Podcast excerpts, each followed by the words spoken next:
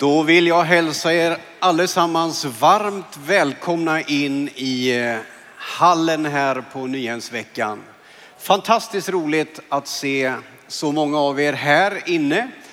Och ett extra stort varmt välkommen till dig som nu inte är fysiskt i hallen men som ändå är med via webben eller tv-sändning eller radiosändning. Jag hoppas att ni ska känna att ni är delaktiga allihop. Det här är ju Tänk själv, tänk tillsammans seminarium. Och eh, liksom baktanken med de här eftermiddagarna är att vi skulle få lite mer tid än vanligt för att borra i en fråga eller rubrik. Och eh, temat för hela den här veckan är ju kärlek. Och idag fokuserar vi lite extra på relationer. Den här eftermiddagen så ska vi tala om att bygga hållbara relationer mellan olika människor i förhållanden och med allt vad det innebär. En eh, spännande eftermiddag. Jag har ju lite inblick i vad som kommer att hända. Inledningstalare, det är en eh, norsk mediaprofil eh, för oss är han ju inte så mycket profil på det sättet utan mer en numer djup vän eftersom han har varit så mycket. Det är Egil Svartdal, dessutom pastor. Egil, du är ju så välkommen, det vet du.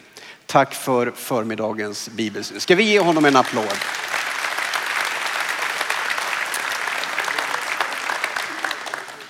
Upplägget för den här eftermiddagen är rätt så enkelt.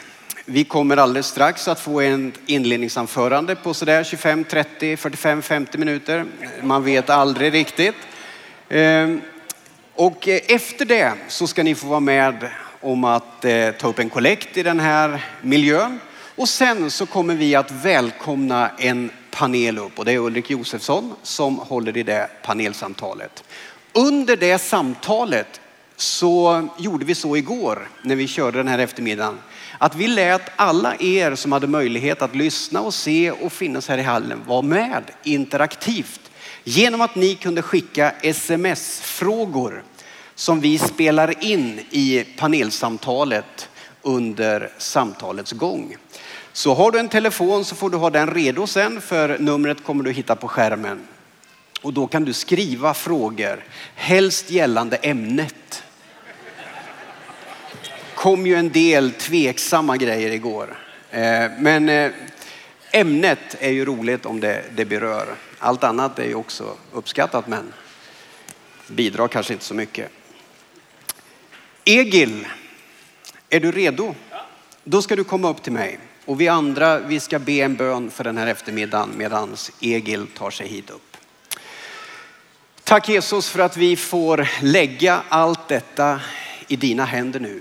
Vi ber att den här eftermiddagen skulle få bära spår av himmelen. Att det som sägs och det som vi får samtala om skulle liksom få sätta sig i våra hjärtan, sätta igång tankebanor, beröra på djupet och kanske till och med få evighetsperspektiv. Tack att du välsignar Egil som nu ska tala för oss. I Jesu namn. Amen. Tack ska du ha Mats. Och, eh, går det bra att jag sitter? Ja, ni sitter ni också. Så då får vi sitta tillsammans. Det heter ju talarstol, så då är väl det någonting man kan sitta på.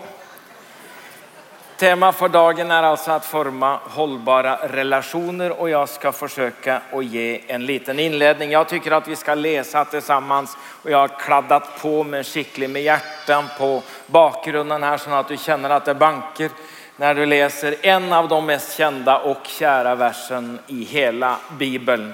Och jag tycker att vi ska läsa med all den inlevelse som vi kan få när vi läser nu i Jesu namn. Men nu består tro, hopp och kärlek. Dessa tre och störst av dem är kärleken en gång till. Men nu består tro, hopp och kärlek. Dessa tre och störst av dem är kärleken.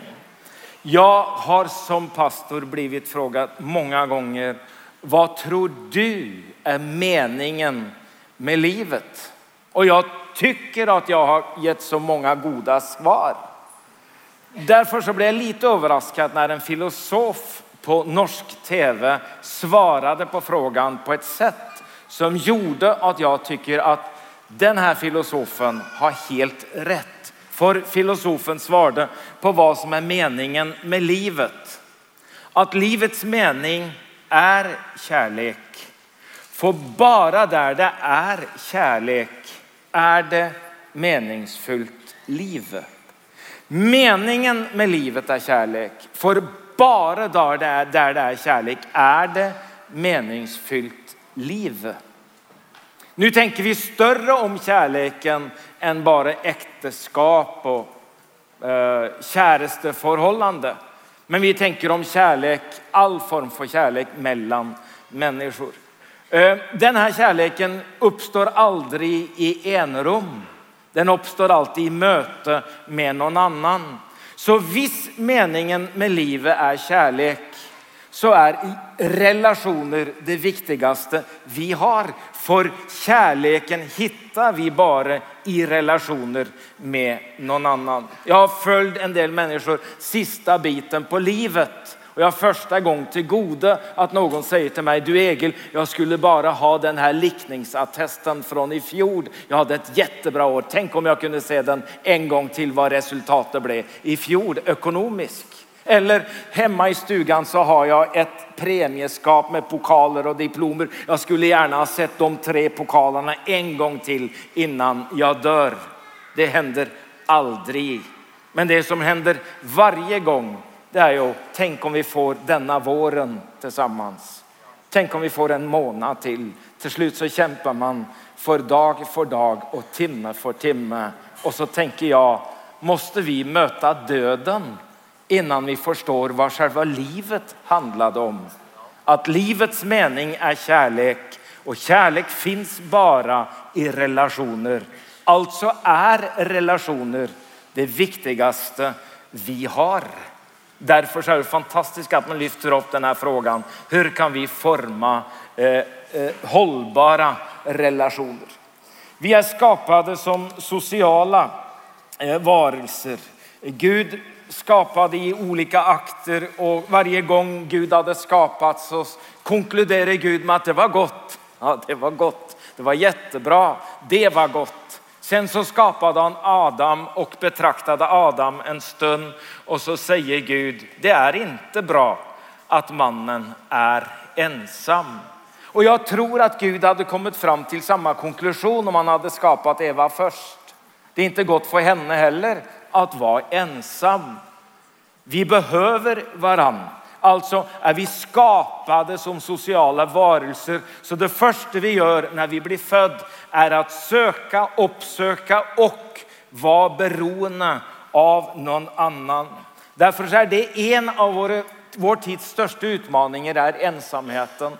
Jag läste på helsenorge.no eh, att varje femte norrman, varje femte norrman bär på en djup känsla av ensamhet. Bär på en djup känsla av ensamhet. Det kan hänga samman med att en del av det nätverket som var starkt är blivit svagare. Jag tänker på kärnfamiljen, jag tänker på storfamiljen, jag tänker på bygden, jag tänker på lokalsamhället. När de nära nätverken upplöses och blir svagare så blir våran liv lite rastlösa, rotlösa och vi blir hemlösa. Jag skulle ha en föredrag för en av Norges allra största konsulentfirmor och jag frågade han som hade inviterat mig att ha det här föredraget om vem jag skulle möta och vad han ville att jag skulle fokusera. Nu får ni hänga med för det här kommer på norsk för han skriver och det är orätt vad han säger. Du ska möta dagens unga konsulenter som är experter på att kommunicera med datamaskiner och koppla sig upp mot tekniska dubbeditter. Men de vet inte hur de ska komma nära ett annat människa på ett djupare plan. De klarar inte att bygga nära och variga relationer. Och det skulle jag ordna upp i på fem kvarter. Jag förstod frågan. De är experter att koppla sig upp tekniskt, men vi är inte född tekniska. Vi är skapade sociala. Och om vi inte klarar att koppla ihop på ett djupare plan med andra människor så blir vi ensamma. Då får man inte alltid en plakat på bröstet som man kan få om man är mellan 5 och 11 år. Då kan man bli registrerad på flygplanet innan. Sen så blir man följd ombord och så pendlar man mellan mor och far eller mellan eh, farmor och farfar och alla dessa som man kan pendla mellan. Och när jag reser och ser de här små pendlarna på flyg med den stora plakaten, jag reser ensam. Så smiler jag lite extra och så tänker jag du är heldig som fick plakat. Det är så många på det här planet som inte fick den plakaten som hade behövt den.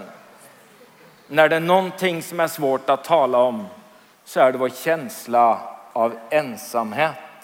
Att jag är överlåten till mig själv. Så relationer, det är ingen luxus. Relationer är livsnödvändigt. Utan nära relationer så har vi säger en undersökning som jag har läst, två till tre gånger större chans för en för tidig död. Fyra gånger större chans för att bli känslomässigt utbränd. Fem gånger större chans för att få djupa depressioner och tio gånger större chans för att få mentala och emotionella störningar. När jag ser den här eh, eh, listan så tänker jag, oj, det är inte så att relationer är lyxus. Relationer är livsnödvändiga. Det handlar om att livets mening är kärlek och kärlek finns bara i relationer. Och det var det den här mannen som kom till Jesus och sa, jag har inte tid att läsa allt, kan inte du bara tälla, fortälla mig vad som är det viktigaste i tron? Så säger Jesus, jag ska säga det enkelt, du ska älska. Du ska älska Gud och du ska älska människor och du ska älska dig själv. Det är det allt handlar om. Det är det Bibeln handlar om. Där det tron handlar om och där det allt handlar om. Det handlar om att eh, älska, för vi är skapade som sociala varelser. Går det bra med er? Ja, det är ju på den här tiden många sover middag och det här är ju ett bra sted att sova. Det tycker jag. Vi har alltså utan undantag någon existentiella behov. Vi vet att vi har de här existentiella frågorna. Uh, uh, vart kommer jag ifrån? Vart går jag när jag dör? Vad är meningen med livet? De här stora existentiella frågorna. Men under de frågorna ligger de existentiella behoven, våra grundläggande behov. Och jag tror att när vi är skapade sociala och att meningen med livet är kärlek och att kärlek bara finns i relationer så har vi en grundläggande behov för en obetingat kärlek. Det är ett grundläggande existentiellt behov som du och jag utan undantag bär på. Det betyder att jag söker djupet sett om det finns någon som kan älska mig för vem jag är. Inte för vad jag gör, inte för vad jag ger, inte för vad jag presterar, men jag söker en kärlek av någon eller något som vill älska mig för den jag är. Jag hoppas att den kärleken kan ge mig en nådfull tillhörighet. Att det inte bär på en fruktan att är det den här veckan jag blir stämd ut och sänt hem som i en typ av realityprogram? Eller kan jag vara trygg kan jag tänka att jag blir inte sveken, jag blir inte avvist, jag blir inte sparkad. För jag vet att där nåden är slut är gemenskapen brutt. Jag vet att där nåden är slut är vänskapet över. Jag vet att där nåden är slut är äktenskapet brutet. Jag vet att jag är en syndig människa som söker en obetingad kärlek. Och ska jag leva i en relation med obetingad kärlek så tränger jag en nådfull tillhörighet. Jag tränger alltså inte en som bara älskar mig för vem jag är, men som orkar mig som den jag är. Visst har jag bett min fru om förlåtelse många gånger. Men hon har förlåtit mig miljoner av gånger när jag inte en gång har visst att jag behövde be om det. Jag lever i en nådfull relation eller en nådfull tillhörighet. Nåden är det bärande elementet och jag söker genom detta en bärkraftig gemenskap. Vi tror ju att när vi är små så är det viktigt att vi blir vuxna och oberoende. Men det är inte sant att vi ska bli oberoende. Om man blir oberoende blir man självberoende och då står man ensam. Det jag ska förstå det är att vi är ömsesidigt beroende av varann. Så jag söker en bärkraftig gemenskap som när jag inte uppsöker finns det någon som frågar efter mig. När jag inte ringer finns det en period att någon annan ringer mig. Någon som kommer och bär mig när jag inte kan gå och som säger när jag inte orkar tro eller orkar be. Vi ska be med dig och vi ska be för dig och vi ska tro sammans med dig. Det här är detta bärarlaget som kommer att ta hand om sin lama, förlamade kamrat. Han som inte kunde gå själv. Och det är fantastiskt när de bär honom till Jesus att det Jesus ser, det är deras tro. Lycklig är du om du finns med i en eller annan form för gemenskap. Hvor du vet att någon vill bära mig när jag inte klarar gå själv. Det är det vi söker en eh, obetingad kärlek, en nådfull tillhörighet i en bärkraftig gemenskap. Jag tycker att det här är så visdomsfullt att ni skulle sagt halleluja. Jag har den knappen från i förmiddag. Den funkar än, vet du. Den funkar nästan lika bra som på förmiddagen. Så strålande att det finns. Vi väljer gemenskap. Jag vet ju att man kan tänka, jag får inga vänner. Nej, man får inga vänner. Man bygger vänskap. Man formar relationer. Det finns inga sådana grejer på frysen som man liksom kan beställa och så får man det i posten. Man måste bygga det. Därför är det inte byggt på känslor, men det är byggt på val. Om man läser om den första kyrkan så läser man att de deltog troget i apostlarnas undervisning och den inbördes hjälpen, i brödsbrytande och bönerna. Och alla människor bevade och många under och tecken gjordes genom apostlarna. Och de troende fortsatte att samlas och hade allting gemensamt. De höll samman och möttes varje dag troget i templet. Och i hemmet bröt de brödet och höll eh, måltid med varandra i jublande uppriktig glädje.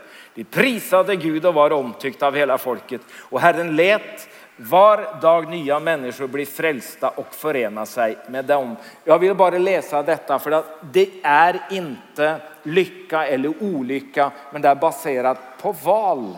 De höll trofast sammans. De deltog, det var val och vi får välja gemenskap. Det händer när vi väljer att tro att Gud ger oss ett släktskap med Gud som far och Jesus som bror. Det händer när vi väljer att dela, inte bara lyssna, inte bara få, men vi går in i en gemenskap, gärna från templet och in i hemmet. Eller gå in i en sammanhang där jag inte bara blir mottagande, men jag blir deltagande. Jag delar, då, då höster jag, skördar jag vänskap. Och när jag väljer att tjäna så får jag ett ägandeskap Jag deltar, jag bidrar och det ger mig ett ägandeskap av den här gemenskapen. Jag brukar säga att det bästa har blivit bättre i Philadelphia kyrkan Oslo efter att jag slutade som föreståndare. Det är svårt att tänka på men det är sanningen. Jag tycker att vi nästan alltid har varit goda på det som sker på scenen, förkynnelsen, musiken, mötesledelsen. Men allt det andra i struktur och hjälpa folk att frivilligt komma in i goda strukturer för att tjäna på olika sätt tycker jag har varit ett lyckoträff av de som har kommit efter mig. Att verkligen hjälpa folk in i tjänster på ett gott sätt. För det vi ser är att om man utvecklar en publik så blir ju den publiken bortskämd och kräsen. Men om man hjälper folk att tjäna så får man ett ägandeskap och jag är med i detta och jag är med och bygger detta. Och så formaliserar vi detta när vi går in i en typ av medlemskap. Jag är ett lem på Kristi kropp. Men jag vill också vara ett medlem och göra det här formellt och koppla mig på, som jag kan göra i ett kärleksförhållande att jag väljer ett äktenskap och blir gitt till den andra. Och det tänker jag får vara den sista punkten som jag har i inledningen. Vi ger oss till varandra. Jag tänker att mycket av det som vi kallar kärlek är ju egentligen en fördäckt självupptagenhet. Vi får vara ärliga på det. Vi söker någonting för vår egen skull. Alltså jag tänker, varför vill jag ha barn? Är det för barnens skull? Väldigt mycket, varför vill jag ha en fru? Är det för fruns skull? Alltså jag vet att det är så mycket självupptagenhet i detta. Men kärleken, den är inte självisk, står det i Bibeln. Men eh, vad händer när eh, kärleken romantiseras? Och jag känner väl att man får näring genom alla filmer, alla eh, grejer som man kan läsa, att kärleken romantiseras i för hög grad. Och jag får ärligt bekänna, min fru är inte gift med drömprinsen. Nej, jag har varit hennes mardröm många gånger. Ja, och mellan detta drömprins och mardröm så finns verkligheten någonstans. Och jag är inte gift med drömprinsessan. Nej, man får inte romantisera kärleken. Att om man är gift med drömprinsen eller drömprinsessan så får man försona sig med verkligheten. Och jag tror att verkligheten är bättre. Att man av och till måste knusa och förstöra sina drömbilder av kärleken och försona sig med verkligheten. Ska man forma bärbara, hållbara relationer också i äktenskap så får man ge upp en del av den romantiska drömmen och gifta sig med verkligheten. Jag hörde ett försiktigt, väldigt försiktigt nu. Ja, vi är inte helt säkra på detta, men det är nästan. Det andra är ju att kärleken i så stor grad i vår tid sexualiseras. Det är ju att allt handlar om att ha god sex och mycket sex. Eh, och så länge vi har god, spännande, lycklig sex så har vi det bra. Och när det här spännande och spänningen är över så är ju också äktenskapen över. När man frigör sex eh, sexliv och sexualiseringen från den trogna kärleken och äktenskapet. När sexualiteten och sexlivet blir sitt eget mål så blir sexualiteten sin egen fiende.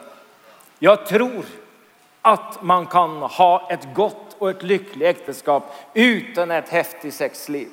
Jag tror att man kan ha ett bärkraftigt och hållbart äktenskap utan att uppleva alla de stora grejerna som man kan läsa om eller se på. Kärleken sentimentaliseras, att det blir känslor och bara känslor. Att vi för stor grad jakter känslorna istället för att investera i hållningar och handlingar som gör att jag kan skörda goda känslor. Men att om jag jaktar känslorna och sentimentaliserar kärleken så blir allt följer. Man får ju fråga, är kärleken en känsla? Nej. Kärleken är inte självisk. Men kärleken har detta att den söker den andra. Så älskade Gud världen att han gav. Man kan ge utan att älska. Ja, man kan ge sitt liv att brännas utan kärlek. Men man kan inte älska utan att ge, för kärleken är inte självisk. Den söker inte vem som kan ge mig allt, men den söker vem jag vill ge allt till. Ni har ju sett några bilder på mig och min fru. Eh, det här är oss två. Hon var omogen 14 och jag var en mogen 15-åring.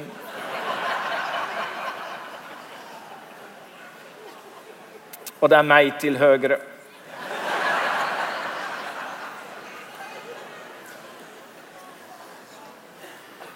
Jag tänker att vi var omogna bägge. Men vi var så pass mogna att hon som 14 och jag som 15 samtalade om vad vi ville göra med vårt liv. Och hon sa till mig, jag vill leva för Jesus. Och visst du inte vill det så blir det inte oss. Hon sa, jag vet inte vad jag ska göra, jag vet inte vart jag ska bo. Jag tänker inte att jag ska bli missionär, jag vet ingen om detta. Men jag vet en ting, jag vill leva för Jesus. Vill du inte det så blir det inte oss. Och jag hade samma sak och vi tänker idag på, det var rätt, vi behövde att vara två om detta om vi skulle tjäna Jesus sånt som vi gjorde. Vi gifte oss när hon var 19 och jag var 20 och ni har sett det här bilder för och blivit grepet av det. Ja, det är hon med hatt på och så är det mig med hår. När vi hade varit gift i två år kom min bästa kamrat till mig och sa Egil, ser du vad som hände med Turi? Nej. Händer det någonting med Turi? Egil, ser du inte vad du gör med henne? Nej, gör jag någonting med Turi? Jag förstod att det var allvar, men jag förstod inte vad han menade. Egil, när Turi är tillsammans med oss och du inte är där så är hon som en blomst. Hon eh, bidrar, hon deltar, hon, eh, hon skojar, hon, hon, hon är fri, Egil. När hon är tillsammans med oss, tillsammans med dig, så är hon som en blomma som vissnar. Ser du det inte, Egil? Ser du inte vad du gör med henne? Sådana kamrater ska man ta gott vara på. Om han inte hade sagt det han sa den dagen så tror jag att vi hade varit skilt för många år sedan eller att jag varit idag gift med en skugga av den färgstarke, levande, fria hustrun som jag har varit gift med i 40 år och i fjol firade vi, ja det är piratparty, när vi firar att vi har varit gifta i 40 år. Och så kan man ju fråga, hur är det möjligt? Det är mycket nåd. Vi har varit i faser när om vi skulle fråga varann, älskar du mig? Inte har varit säkra på om vi kunde svara ja på den frågan. Du frågar, har ni tänkt på skilsmässa? Nej, men jag har tänkt på mord.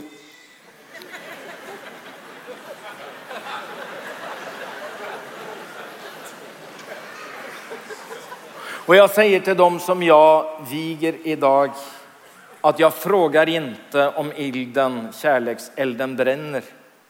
Det ser man ju, det märker man ju. Men det ni svarar på idag, det är att ni ska hålla den elden brinnande. Och man vet att en eld inte är helautomatisk, den varar en tid. Men den varar inte livet ut, den varar inte 40 år.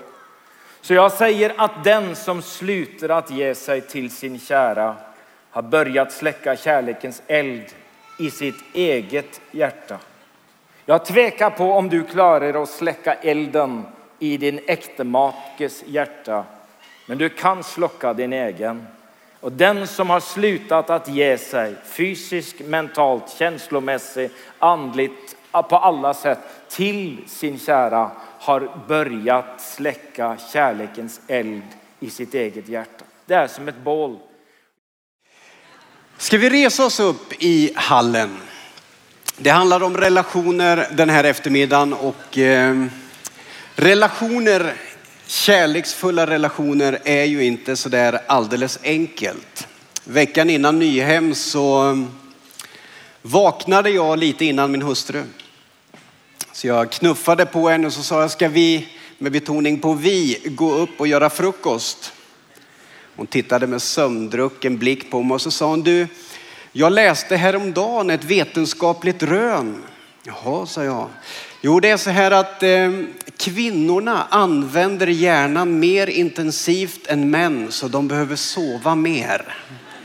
Du kan väl komma in med kaffet om en stund, sa Så jag gick ut och gjorde frukost. Så lite senare så går jag in till min tonårsson, för jag tänkte vi skulle få hjälp med att klippa gräset. Så jag säger, kan du tänka dig att gå upp och klippa gräset? Då säger han, pappa du, Vet du att min hjärna är under utveckling i tonåren? Därför säger de att man behöver sova rätt mycket. Men din har ju slutat växa så du kan väl klippa gräset. Kärleksfulla relationer. Jo, jo. Hörni, vi tillhör en folkrörelse. Eh, vi är en eh, pingströrelse.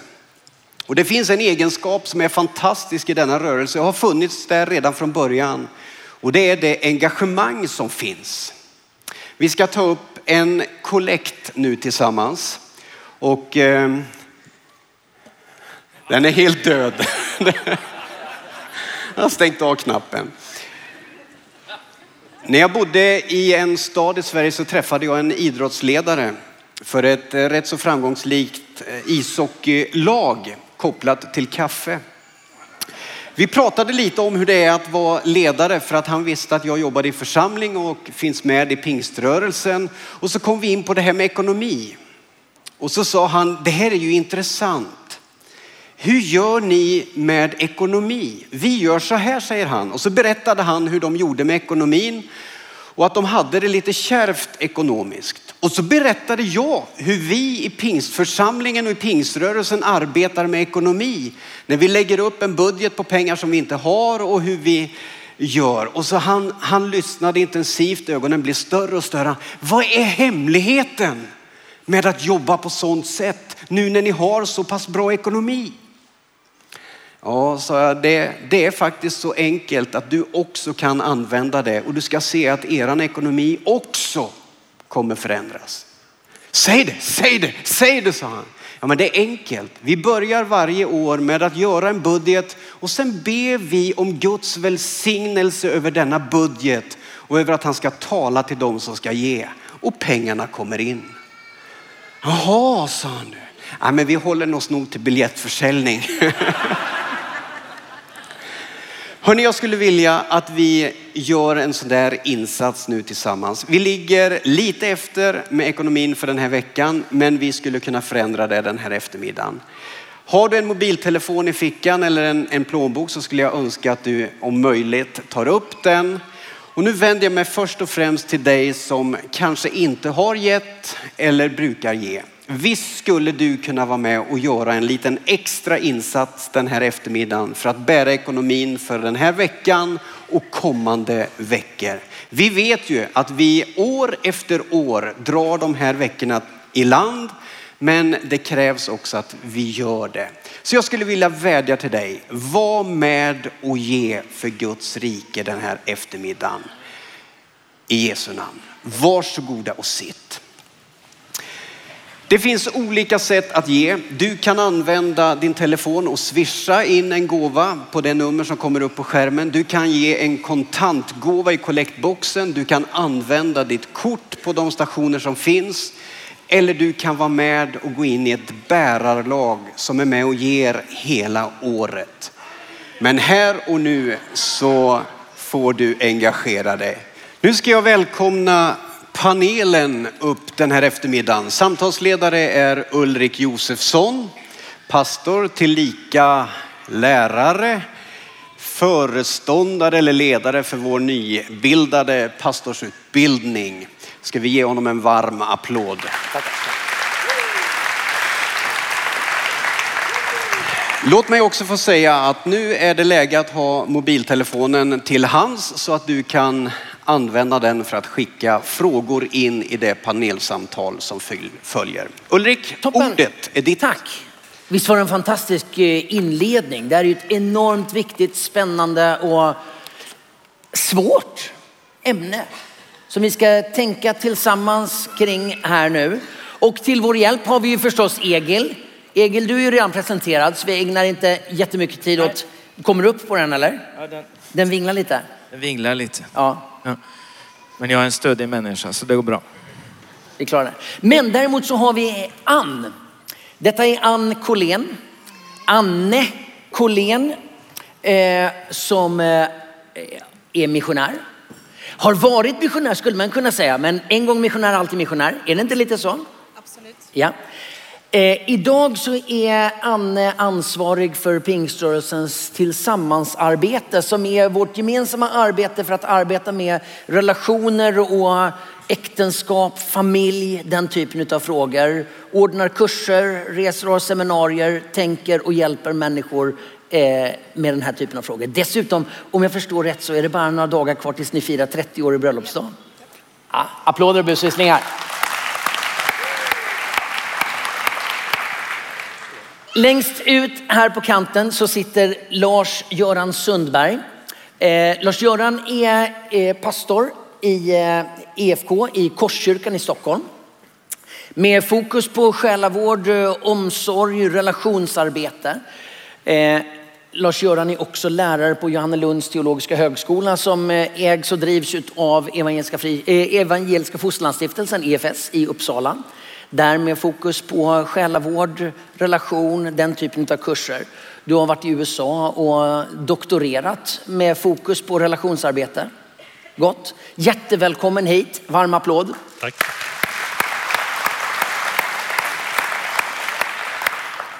Och vi alla vi är ju med här för att ge våra inspel och ni ser ju redan Mats, han sitter inte och mässar med sina kompisar utan han håller koll på vad ni mässar in här eh, på det telefonnummer som är gett. Jag bara väcker frun. Alltså, jaha, okej det var så. Okej, vi går inte vidare på det spåret kanske.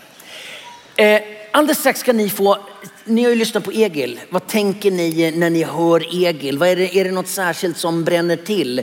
Det ska ni få berätta alldeles strax. Men först ska ni få tänka. Ni har ju också hört Egil. Vad tänker ni? Vad är det som bränner till? Vad, vad liksom blir det viktiga av det Egil säger? Prata med varandra ett par minuter och byt tankar och dela erfarenheter utifrån Egils inledning. Varsågoda.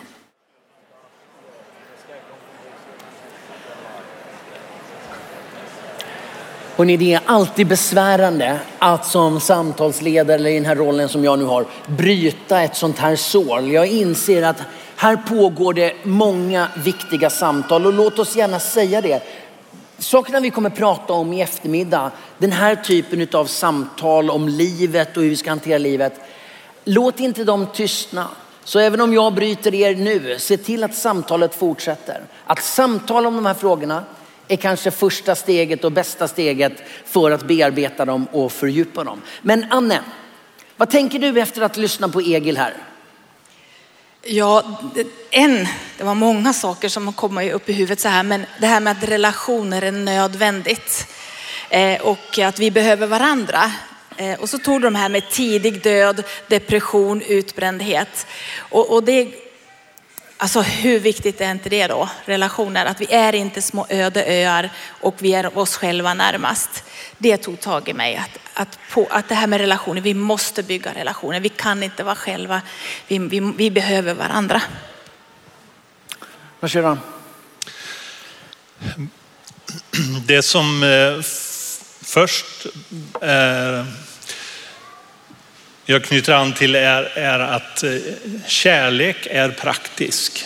Alltså den, kärlek är inte bara ett teoretiskt ord utan det måste omsättas på en väldigt konkret, i en väldigt konkret betydelse i, i, i, i praktiska möten mellan människor. Och eh, jag tänker också på en sån där allmän kunskap kanske, men som eh, Martin Buber eh, sa att vi blir till i relation. Alltså vi, när vi möter varandra då, då händer någonting i den människa som möter en annan och så växer vi. Mm. Och därför så blir det ju väldigt viktigt att fundera över vad är det då, om, om, nu, om nu ni tre har rätt och Martin Buber och alla andra som säger detta att relationer är så viktiga.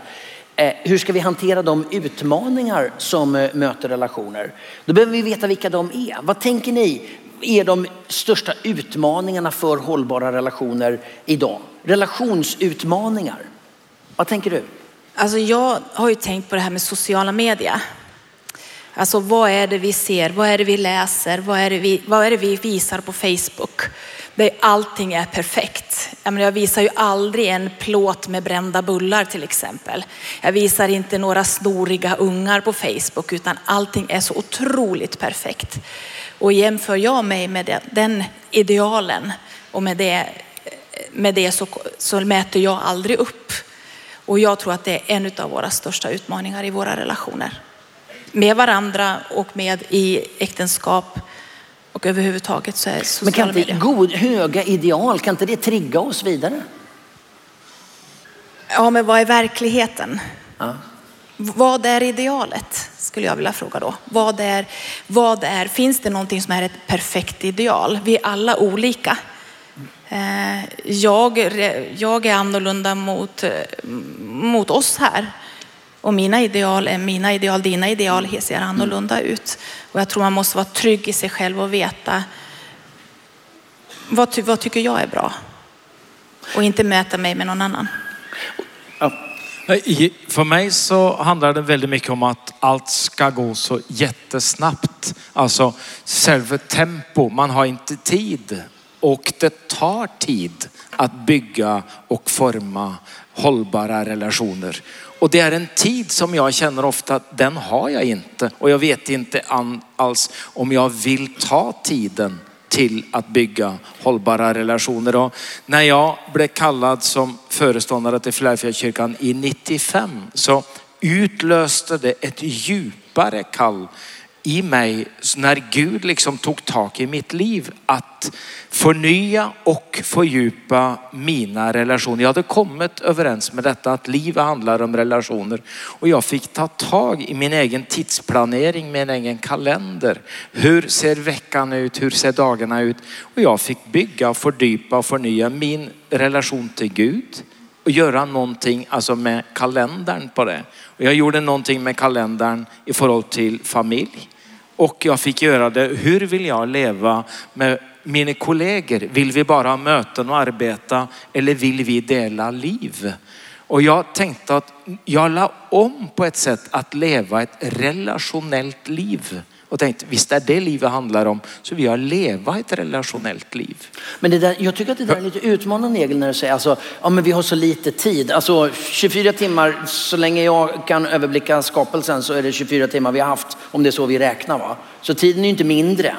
Eh, och arbetslivet och förenklingar, alltså vi stånkar inte korv utan vi går till Ica och köper den. Vi har en tvättmaskin. Sånt. Alltså mycket grejer har gjort att vi har mera tid. Handlar det inte om prioriteringar? Jo, helt enig. Tiden finns.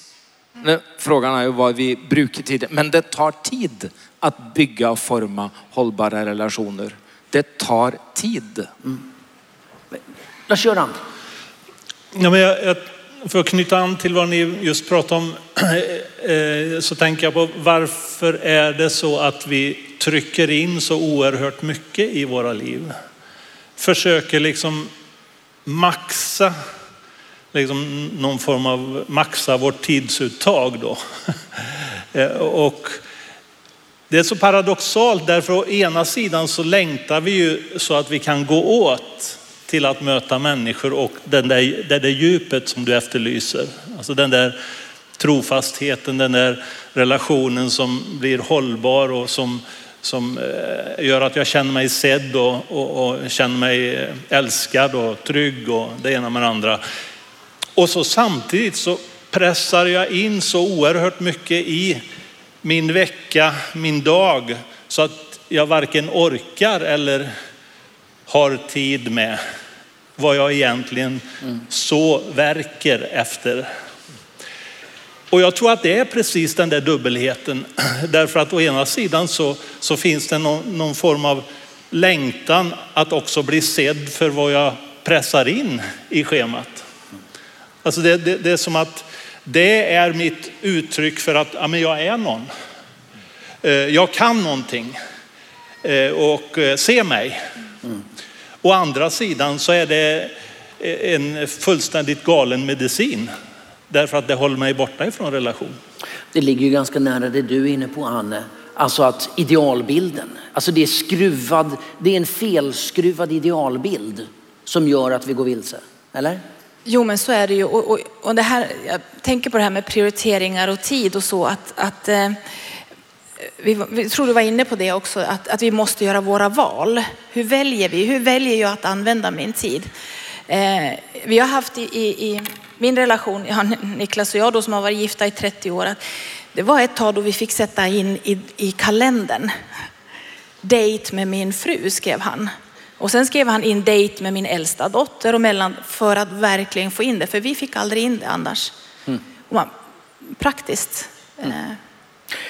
En annan fråga som jag funderar för du, du var inne på det här med ensamhet och alltså, det finns mycket ensamhet i vårt samhälle och någon har sagt att ensamheten är den största folksjukdomen i vårt land. Jag skulle vilja fundera, alltså att ni funderar på, för samtidigt så lever ju en väldigt individualistisk tid. Va? Var och en formar sin värld. Alltså, hur ser ni på förhållandet mellan, oj vi blev ensamma, men var och en ska skapa sin egen individualitet och vi ska liksom vara så mycket individer och var och en ska vara sig själv. Hur får man ihop det? Ja, vem som helst får prata, varsågod.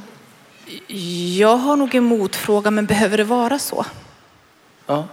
Behöver vi bli så otroligt individualistiska då? Och, och, då tänker du? Nej, men alltså vi, vi lever ju inte parallella liv.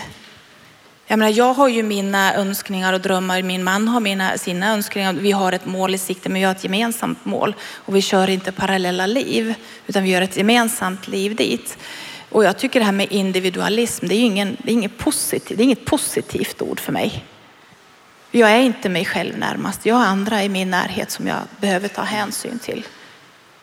Men är, är det, har jag fel bild? Alltså, lever vi inte i en väldigt individualistisk tid? Har inte individ fokus en ganska framträdande roll? Jo, det, jag tror att du har rätt i det. Men låt oss eh, skilja mellan individualism och individualitet. Alltså, för att bli en relationell person och som, som kan interagera med en annan person på ett nära och även intimt sätt så behöver jag ju ha någon form av ägarskap i mig själv. Alltså det behöver finnas någon hemma där när det knackas på liksom. Och jag tror att det är liksom spänningsfältet som vi behöver odla. Att å ena sidan land, tillåta oss en självrespekt att vara någon, att bygga ett jag skulle psykologer säga. Ehm, men också att liksom det stannar ju inte där utan det är ju alltså spänningen mellan att vara relationell och att vara individ. Och eh, det är inte antingen eller, utan både och.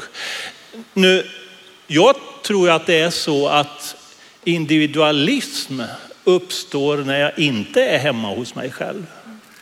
Därför att då blir jag självupptagen. Alltså, då är det ju tomt och jag kan göra vad som helst för att bli sedd. Mm. Men jag är inte intresserad av att se någon annan. Och då blir ju gemenskapen någonting som jag bara brukar och missbrukar mm. som, ett, som en konsument. Eh, när jag ska få gemenskapen att täcka mina individualistiska och egoistiska självupptagna behov. Ska man få en gemenskap, för exempel en kyrka, så måste man ju bygga den. Och då handlar det om att dela och att ge och att inte bara få. Och det märker man väl liksom att man fort hamnar i att man bygger en typ av publik istället för att börja bygga en kyrka när det blir att man på ett sätt går efter vad folk vill ha. Man får underhålla så mycket att folk blir nöjda. Man får ge folk det de vill ha och sen så underbygger man även i kyrkan mycket av individualismen istället för att lyfta gemenskapen över individualismen. Eh, det tycker jag är väldigt bra. Får jag haka på lite till? Eh, för jag tänker att det ligger så nära till då att missbruka relationer eh, när det hungrar här inne. Alltså, eh, därför att den andra personen eller de andra blir ju liksom även medlet till att nå målet när det är väldigt hungrande inom en själv. Och jag tror att vi ligger väldigt nära till att missbruka. Och vem vill vara med om att bli missbrukad? Ja, men då håller vi oss på armlängds avstånd. Mm. Individualism och instrumentalisering ja. är två dåliga grannar helt enkelt.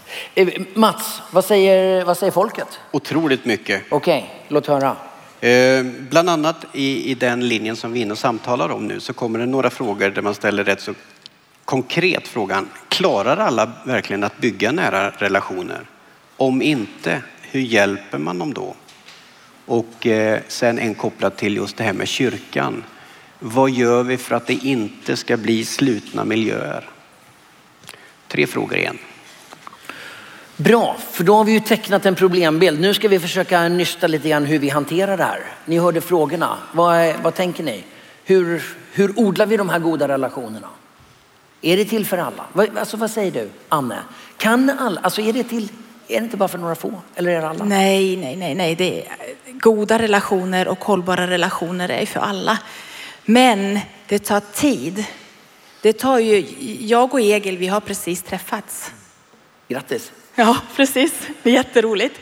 Men, men för att vi ska lära känna varandra måste vi ägna tid till varandra. Ja, vi måste lyssna på varandra, vi ska prata med varandra och det är där det börjar. Och att bygga en relation och en hållbar relation, det tar tid.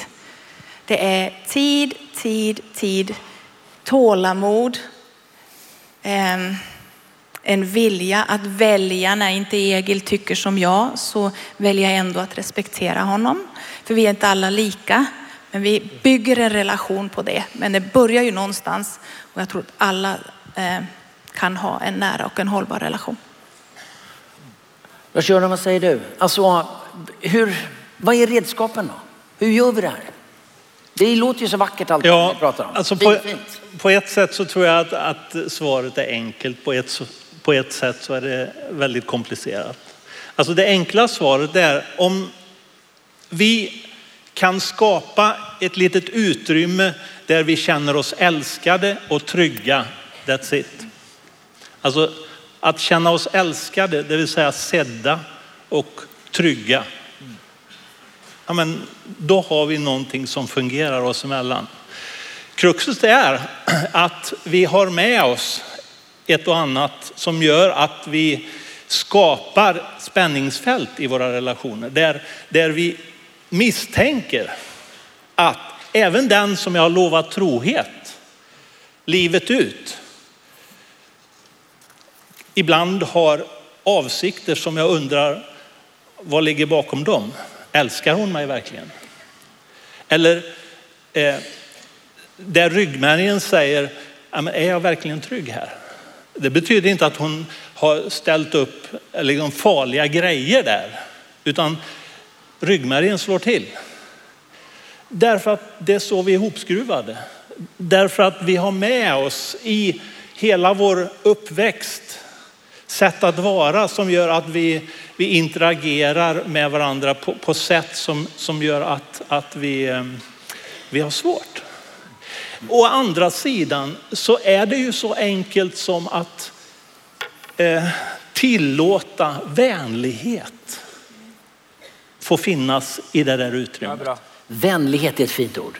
Det var vackert. Du, men jag måste bara få fråga dig också, fortsättning här på. För Egil han, han pratade ju Eh, om att relationer det bygger vi. Det är inget vi köper på Ica eller vi hämtar från frysen. Utan det bygger vi, det formas och därför handlar det om att välja. Alltså lägger inte Egil ett ganska stort ansvar på var och en för att liksom leva i de här relationerna. Har du dåliga relationer? Ja, det är ditt val. Han säger det ju på ett fint sätt. Han är ju snäll. Nej, men hur tänker du kring det val, den valfrågan där? Ja. Nej, men jag, jag, jag, jag tror att det, det ligger väldigt mycket i att det är ett, ett val. Därför att vi, vi frånhänder oss väldigt lätt vårt ansvar. Därför att vi säger han eller hon fick mig att reagera eller känna på det sättet. Vad vi egentligen gör det är att vi lägger över att han eller hon gjorde någonting som jag reagerade på. Så frågan är, vad har jag för ansvar för mina känslor, mina reaktioner, mitt sätt att vara?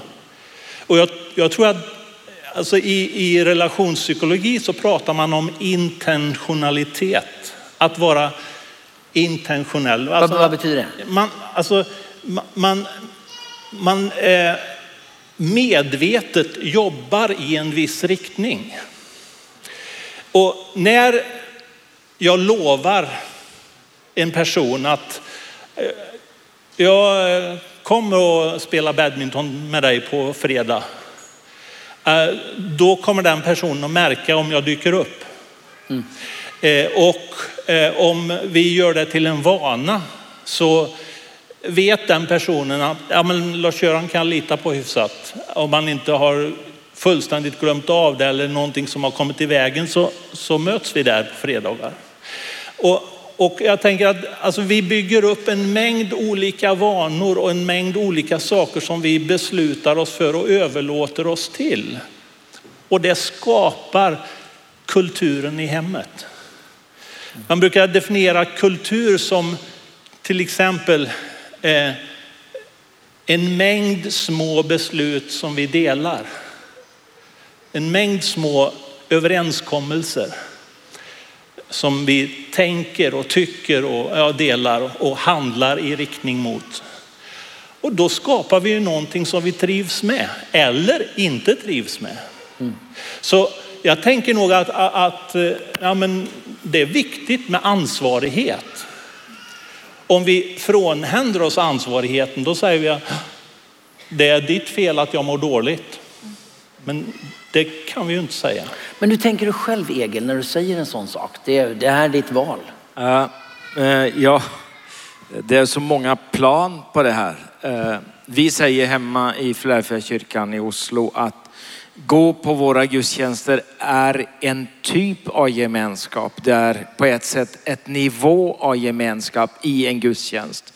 Men ska du uppleva gemenskap på riktigt så måste du komma djupare och närare andra än det du kan för exempel i en gudstjänst. Och vi säger då att då får vi möts i mindre grupper över tid. Och det man ser det är ju att de som har mötts över tid i en mindre grupp och delat liv, delat tro, delat erfarenhet. De får en bärkraftighet som är starkare än tillhörigheten till gudstjänsten. Ja, även om folk byter församling så vill de gärna ha kvar sin lilla grupp mm. från den andra församlingen. För man känner sig det finns mer bärkraft i den och som den tredje gemenskapen så har vi sagt att tjänstgemenskapen hos oss är viktig. Vilken då? Tjänst. Ja. Eh, tjänst, att göra en tjänst, alltså göra någonting tillsammans med någon. Ja, arbetsgemenskap. Och vi har sagt att ska man uppleva gemenskapen i Philadelphia kyrkan i Oslo så måste du gå in i detta och vi vill hjälpa dig med det. Vi göra struktur med det. Vi vill möta dig på detta och vi vill försöka att lägga till rätta. Men du måste på ett sätt på någon gång alltså koppla på själv också. Vi kan hjälpa dig men, men, men vi, kan inte, vi kan inte ge dig någonting som du inte kopplar på. Mm. Tyvärr. Och sen så får jag gärna säga att jag tror väl att man liksom när det gäller vänner, för exempel på, på sociala medier, att man ska ha så många vänner hela tiden. Man ska ha så jättemånga. Och jag tror att det är överdrivet det här behovet för att ha så många vänner. Jag tänker att om man är så heldig att det finns en, kanske två, om mm. möjligt tre, mm. som jag skulle kunna våga tänka de vill fråga efter mig. De vill komma till mig och älska mig även om jag inte kopplar på. Alltså, Om man skulle vara så heldig att ha en, två eller kanske tre, då är man faktiskt en rik människa.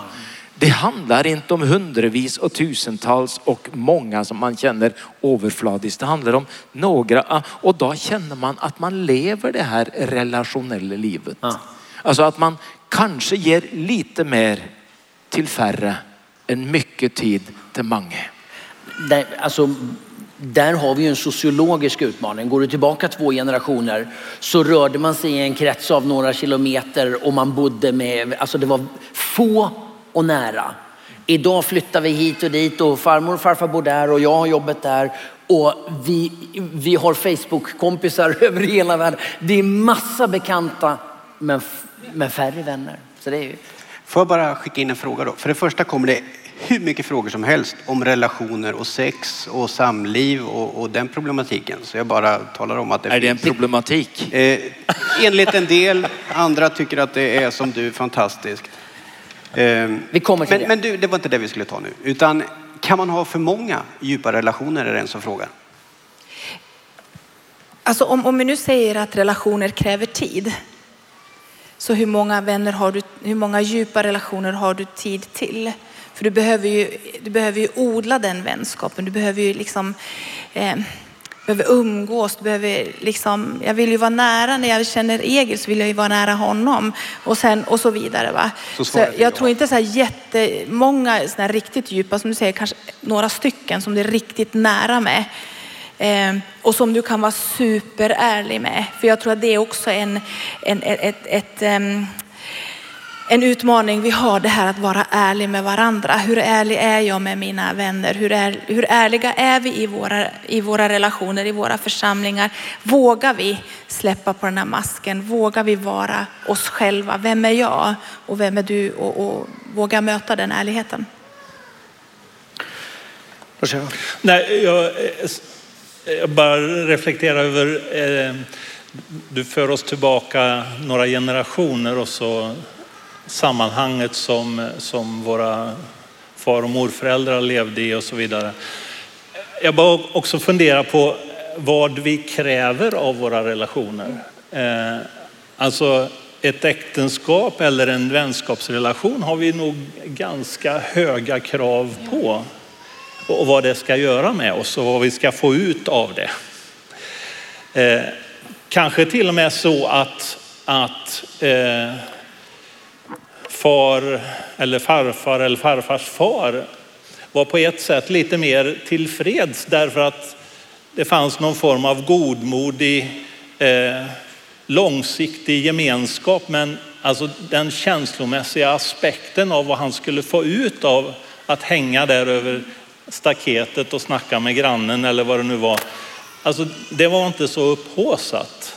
Men å andra sidan så visste han vad han hade grannen. Eh, ett äktenskap eller en relation idag ska ge oss så många saker. Eh, av känslomässig lycka och tillfredsställelse och fantastisk sex och eh, you name it. Liksom, ja, men vilken man eller kvinna kan fixa det? Alltså jag, jag tror att vi lever i en slags illusion vad en relation faktiskt kan åstadkomma också. Så, så vi behöver nog vara lite, ha lite verklighetsförankring. Den här drömbilden versus verkligheten. Då behöver man ju bara gå till sitt eget när man gifte sig. Det var ju drömbilden och sen så var det verkligheten in your face liksom. Det var inte precis detsamma som jag så. Så att jag menar, den möter vi i alla relationer. Eh, när relationen fördjupas, då märker vi att ja, men det här var ju inte samma som början, men den har ju utvecklats till någonting djupare. Och så får jag också, min erfarenhet, jag är så, jag är så lycklig för det att eh, när jag var tio år så hade vi, så fick jag tre nära. En var min bror så det var inte så något, men vi var väldigt nära. Sen så fick vi två andra kamrater. Sen vi var tio år och vi blev alla travla folk. Vi blev väldigt busy folk och eh, livet tog oss. Sen så sa vi, vi får ingen chans att få barndomsvänner igen. Det har man bara en möjlighet till. Och gamla vänner, det, det kan man ju inte få när de är nya. Så ska man ha gamla vänner så får man ta vara på dem man har. Och det vi fick göra, vi fyra, det var att börja planera året när vi skulle mötas. För livet var hektiskt, det gick fort. Vi satt av i kalendern, vi satt av turerna, vi satt av eh, kvällarna. Om det bara var två timmar på ett café så fick vi göra det. Och jag är så lycklig. Min bror dog eh, för, för några få år sedan. Nu, vi var fyra kamrater, nu är vi tre. Men vi, man måste liksom kämpa för det man har kärt. Inte så många, men man måste liksom säga om man måste sätta in i kalendern så får man sätta in i kalendern. Mm, Och jag fick göra det på något annat sätt också. Liksom ta, jag vill detta. Ja. Men Jag tänker också att det här, jag vet inte om ni känner till eh, historikern professorn Lars Trädgård. Han, eh, han jobbar på Ersta Sköndal. Han talar om bilden av den svenska kärleken som bygger på att ingen ska vara beroende av någon annan. Alltså bilden av mig själv, det är att jag ska vara oberoende. Eh, pensionssystemet bygger på det, föräldraförsäkringen bygger på det, lönesystemet bygger på det. Hela så att säga, samhällsstrukturen bygger på eh, den enskilda människans oberoende. Och då leder ju det till att relationen och kärleken och äktenskapet och sexet och jag menar, det är ju bara så länge, i den svenska kulturen blir ju det bara så länge som jag har lust. För att jag behöver inte dig. Och om jag inte får det jag behöver så drar jag. Därför att hela kulturen säger jag är oberoende. Eh, har, ni, har ni mött Lars Trädgård eller hur tänker ni kring hans, den typen av eh, förståelse av tillvaron? Anne? Men Jag, jag, känner, jag har inte lyssnat till Trädgård så, men, men det som dyker upp för mig så tänker jag så här, om vi är, vi är ju kända också i Sverige för att vara det ensammaste landet, eller så många som är ensamma, eh, bor ensamma, lever ensamma och har kanske inga relationer alls. Och så har vi samtidigt så ökar den psykiska ohälsan. Jag bara undrar om det finns några kopplingar däremellan. Psykisk ohälsa och den här otroliga ensamheten. Vi är inte skapta för att vara ensamma. Vi, vi, vi kan inte liksom leva våra liv utan kärlek, ge och få. Och då undrar jag om man inte börjar också må psykiskt dåligt om man inte får det man behöver. Och ger det man behöver. Jag tänkte, du jobbar ju med, med Tillsammansprojektet. Ni jobbar med äktenskapskurser och sådana grejer. I förhållande till äktenskap så. Alltså hur tänker du då? För jag menar, det här utmanar ju, det här är ju den här oberoende idealet. Ja men det, det påverkas vi ju alla av liksom. Men den, den, ja, det, det gör vi ju. Och då, och då måste vi ju motverka den. Ja. Vi behöver hela tiden uppmuntra varandra. Ett gemensamt liv, gemensamma intressen, egna intressen. Vi måste ha egna intressen, gemensamma intressen. Har man inga gemensamma intressen då får man odla gemensamma intressen. Det är val man får göra hela tiden eh, för att hålla äktenskapet vid liv och vid hälsa. Eh, så. Jag, jag såg, och vi såg, min fru och jag, väldigt tidigt en väldigt sån förståelig exempel på detta som du säger. Den som skulle lära oss detta sa att eh, traditionellt och i gamla dagar så hade man eh, i, en, i en äktenskap många beröringspunkter. Man eh, var avhängd, beroende av varandra på ekonomi, Ja. på det praktiska livet. Och sen så hade man känslor, så hade man familj, så hade man liksom flera beröringspunkter. Men i det här som du säger så går man tillbaka till bara ett beröringspunkt och det beröringspunkt är känslor. Det är ju äktenskap och gemenskap väldigt sårbart. För då är ju det här hållbart bara så länge jag har känslor för den andra. Och när känslorna är slut så är ju allt slut för det finns ingen andra beröringspunkter. Och då tänker jag att man får kanske som Anne säger koppla på mer och fler sådana att äktenskapet blir mer än känslor och att man får andra beröringspunkter så man inte blir så beroende till alla tider av att ha goda känslor för den andra. Lars-Göran, vad tänker du om detta? Jag tänker ett par saker. Dels så,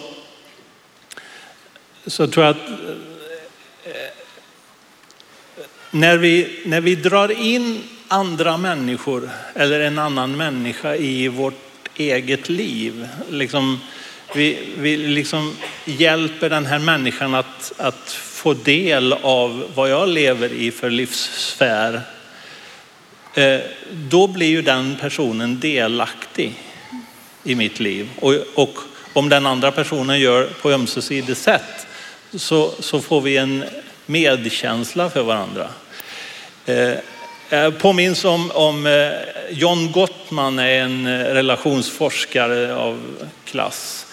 Och han, han gjorde så att han eh, skapade en liten by där han satte upp massa filmkameror och så bjöd han in eh, nygifta par att eh, liksom vara i den här lilla byn och så försökte han liksom klura ut hur deras relationsmönster ser ut. Mm.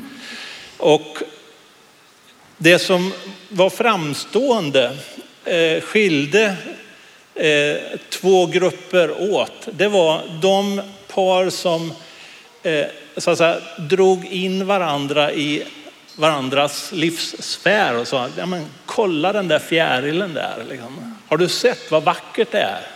Och så kommenterar den andra och säger, ja men jag ser det. Wow, vad kul att du liksom gjorde mig uppmärksam på det. Och så blev det liksom ett positivt bekräftande av varandra, varandras liv. Medan den andra gruppen tenderade att, att säga, så, men ser du fjärilen där? Ja, men jag har sett en mycket större fjäril någon annanstans. Liksom.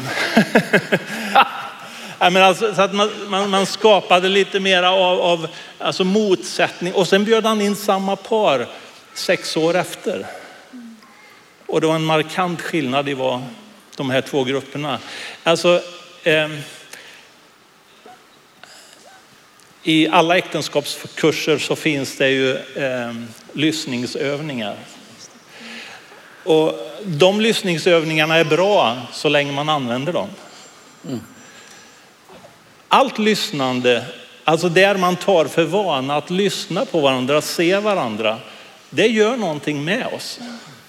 Under en period när jag reste ganska mycket så, så den knepigaste tiden i min och Kristinas liv, det var när jag kom hem.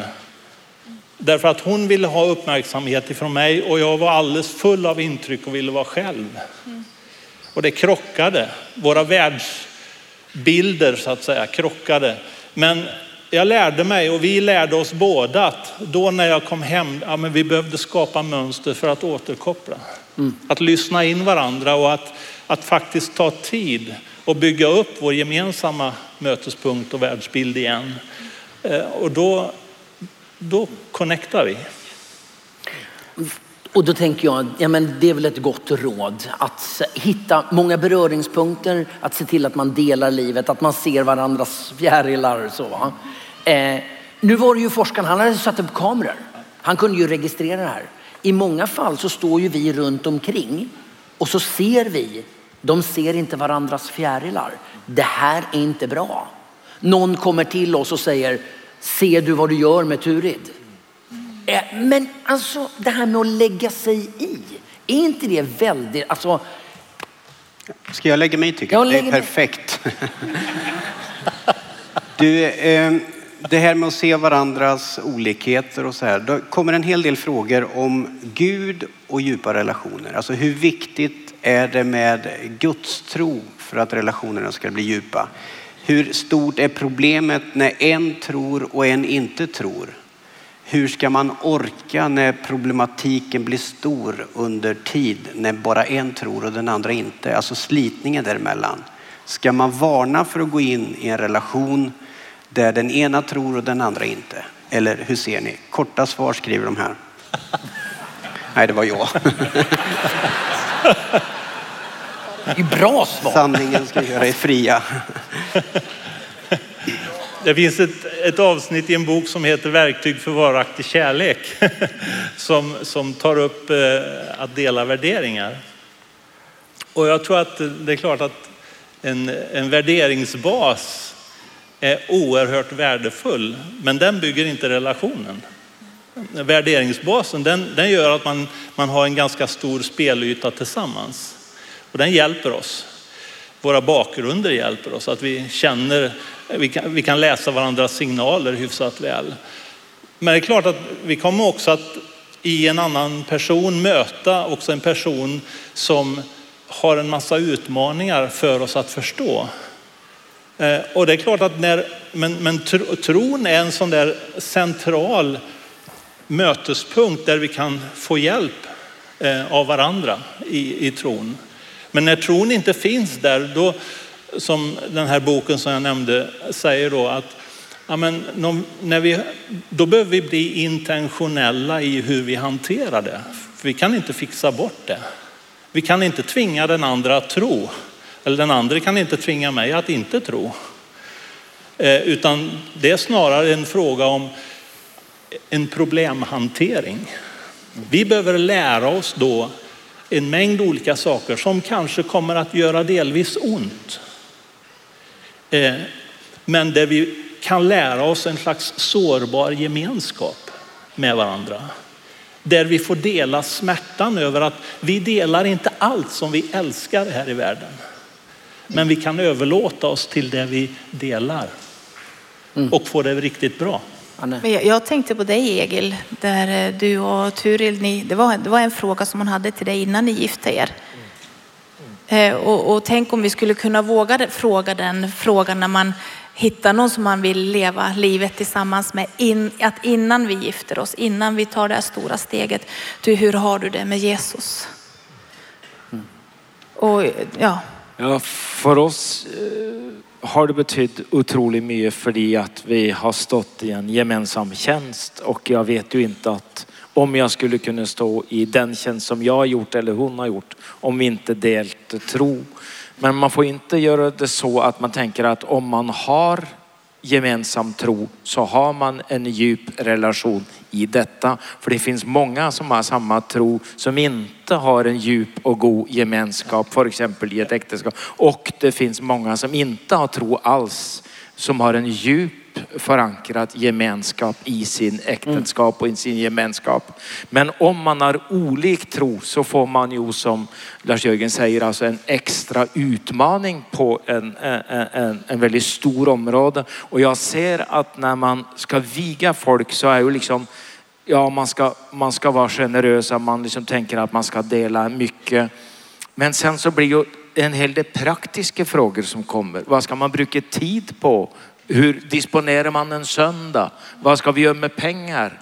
Vad gör vi med barnuppdragelsen? Så att man ser att det som bara handlade först om att två självständiga människors olika tro handlar om att bygga ett gemensamt liv. Eh, och kanske tjänst med så olika värderingar. Det verkar att problemen till viss grad ökar eh, i den sammanhangen, på det praktiska. Så rådet, så rådet är? Rådet är att tänka väldigt noga igenom vad man gör. Att lyckan i sig själv är inte att bli gift. Jag vill hellre vara lycklig ensam än leva olycklig i ett äktenskap. Mm. Om man kan tänka igenom, att man bara tänker igenom lite mer än känslorna. Mm. Var det dålig råd? Eh, nej, det var ett mycket bra. Men jag skulle vilja, jag skulle vilja tillbaka till den här frågan eh, om eh, vad Egil gjorde med Turid efter två års äktenskap. Nej men alltså det som du lyfter där va, när någon kommer och petar och säger hur, hur har ni det egentligen? Alltså min erfarenhet är ju att det gör vi eh, ganska sällan. Eh, och inte så sällan så inser vi i efterhand att vi borde ha gjort det. Hur tänker ni kring det? Ja, jag tänker så att eh, jag har mött de som är på, på väg åt liksom, eh, det är att våga fråga. Våga fråga hur, vi har, hur de har det. Och skulle man råka fråga någon som man kanske har tagit fel signaler och det egentligen är väldigt bra så gör det ju ingenting att man har frågat för då har man ändå visat omsorg. Alltså det, våga fråga. Var inte så rädd för att trampa. Men hur, hur gör man det då? då? Alltså bli lite konkret. Alltså för, ska man liksom namnge signaler? Så jag ser det här och det här. Hur, alltså, hur ska jag förstå det? Alltså, Eller hur ska man göra? Jag, jag, skulle, jag gör så här att hur, hej, hur är det? Är det bra? Och sen så tar man det vidare därifrån. Ja, men alltså är jag rätt på det? Men det känns som att. Ja. Eh, nej, men nej, okej. Okay. Så får man lämna det där och så får man komma igen ja. och fråga. Att våga, våga fråga. Finns det några teorier om det här? finns, det någon, finns det någon som har spelat in det här? Satt upp kameror om det här? Nej, men, Vad säger låt- Tregård? Låt, oss vidga frågan till, Ja. till hur konkret vi är med att till exempel, eh, alltså som du, du är, Anne, som du är inne på, att, att fråga varandra hur det står till. Alltså, eh, alltså i, i våra umgängesmönster så, så är vi ju vana vid att säga hej hur är läget och så går vi vidare. Eh, Men alltså, om, om vi lägger till en eller två dimensioner i, i vårt vardagliga mötessätt. Eh, att, att vi, vi då och då stannar upp och säger, men hur är det på riktigt? Eh, och om den andra liksom svävar på svaret, ja, men, liksom, ja, men, eh, har du tid? Eh, och, och att göra samma grej med, med relationen. Alltså egentligen är det ju inte så konstigt för, för den andra personen eller det där paret, de, de går ju där och verkar. Alltså de, de, det är ju smärta. Och det bästa som kan hända det är ju att någon faktiskt ser dem och, och, och säger ja men jag bryr mig. Eh, och sen kan man ju faktiskt ha några i bekantskapskretsen som man kommer överens med och säger du kan vi inte fråga varandra hur det står till lite regelbundet? Det är bra. Mm. Ja, det är ett gott råd. Det är... Men vi går mot slutet här. Jag måste bara fråga. Det är ju ändå så här att eh, brustenheten är en del av vår tillvaro. Ibland går det sönder. Vänner eh, kommer ifrån varandra. Eh, äktenskap spricker. Alltså det finns det. Alltså vi säger forma hållbara relationer, tro på goda relationer. Men den som har en erfarenhet av brustenhet. Hur, vad är er erfarenhet och vad ska man ge för råd? Hur ska, man, hur ska man återskapa tron på relationer där erfarenheten är brustenhet? Det är en stor fråga, men jag känner väl att när jag talar om en obetinget kärlek, en nådfull tillhörighet och ett bärkraftig gemenskap är det för mig djupast sett relation med Gud. Eh, att alla andra relation, eh, relationer blir med syndiga människor och jag är en syndig människa. Det betyder att man aldrig möter någon som liksom är Eh, perfekta och aldrig är fullkomna. Jag sårar andra, andra sårar mig. Någon har skadat mig, jag har skadat någon annan. Ehm, sen så finns det i mitt liv en källa till obetinget kärlek hos Gud i en nådfull tillhörighet som gör att jag kan försöka gå vidare och söka vidare. För jag har, det ligger någonting i botten, en källa som jag tror att jag kan erkänner min egen svaghet och andras svaghet och få kraft och nåd att gå vidare. Ehm, för jag är ändå älskad. Jag har ändå en tillhörighet. Gud är nådig, han kommer aldrig avvisa mig. Och jag tänker att det är källan att försöka igen och bygga upp nya relationer. Men det vill alltid präglas av, jag är en syndare och jag kommer att bygga gemenskap med syndiga, skröpliga människor. Det är sårbart att vara en människa. Men vi kan göra det så starkt vi kan och källan till detta är Gud själv. Kärleken som vi talar om idag, den rena kärleken. Jag kör. Ja, ja, jag tänker så här att eh, alltså, när vi begår fel eller när vi trampar på varandras ömma områden, när vi begår synd. Eh, alltså förlåtelse tar eh, liksom en, en del av en sekund att få. Att få förlåtelse. Men förtroende förtjänar vi. Och det är en mil skillnad mellan att så att säga, att, att, så att säga försonas i den bemärkelsen att få förlåtelse, att, så att säga, kryp, krypa till korset eller att, att bekänna. Och att ta itu med det som har gått sönder. Eh, det är en vandring. Och därför tror jag att det, det, det, som, det som är så viktigt när man ser att det har gått, sönder, det är, det är liksom att, att, att själv säga, jag, någonting behöver hända med mig. Man kan inte förvänta att det ska hända med den andra, utan man måste gå till frågan liksom, och gärna ta hjälp. Alltså i det här oberoendet finns en förbannelse. Därför att då säger jag, jag ska klara mig själv, jag fixar det här själv. Och det är en stor lögn ifrån Eden. Mm. Jag tror att vi behöver hjälp och vi behöver se varandra som resurser. Och vi behöver bygga också relationer där vi ser varandra som tillgångar. Inte minst därför att vi lever i en trasig värld och vi är själva trasiga. Så att dela smärta, eh, att eh, säga ja, men jag behöver förändring i mitt eget liv. Kan du hjälpa mig på traven? Mm. Eh, och kan vi gå tillsammans en bit? Och eh, att bli älskad, det är ju att bli vald igen. Så jag tror att förtroende byggs av att vi väljer varandra igen. Och det kan vi inte ta för givet. Tack. Alltså vi pratar ju om, det här är väldigt svåra saker. Det är ju väldigt konstigt att sitta på en estrad med mikrofoner och prata. Det här är ju mer ett soffsamtal med nära vänner. Eh, men nu har vi fått det på det här sättet. Jag hoppas att du har fått med dig någonting eh, från det här samtalet och jag hoppas att eh, du kan föra den här typen av samtal vidare i soffsamtalen. Eh, och jag tänker också att det Lars-Göran är inne på, det här med att, att knyta sig till varandra, att göra överenskommelser med andra. Låt oss, låt oss eh, ta hjälp av varandra att, att, att liksom föra de här samtalen, men också när vi behöver den hjälpen att, att gå till, till själavård eller vad det nu kan vara för någonting. Va? För det här är viktiga saker. Eh, det är svåra saker. Och om Egil har rätt så är vi skapade för, som sociala varelser. Det här har med vårt liv att göra. Så att eh, vi behöver Guds nåd. Mats, nu får du hjälpa oss att sluta det här. Ja, för det är inte lätt. Men vi tackar dem med en stor applåd.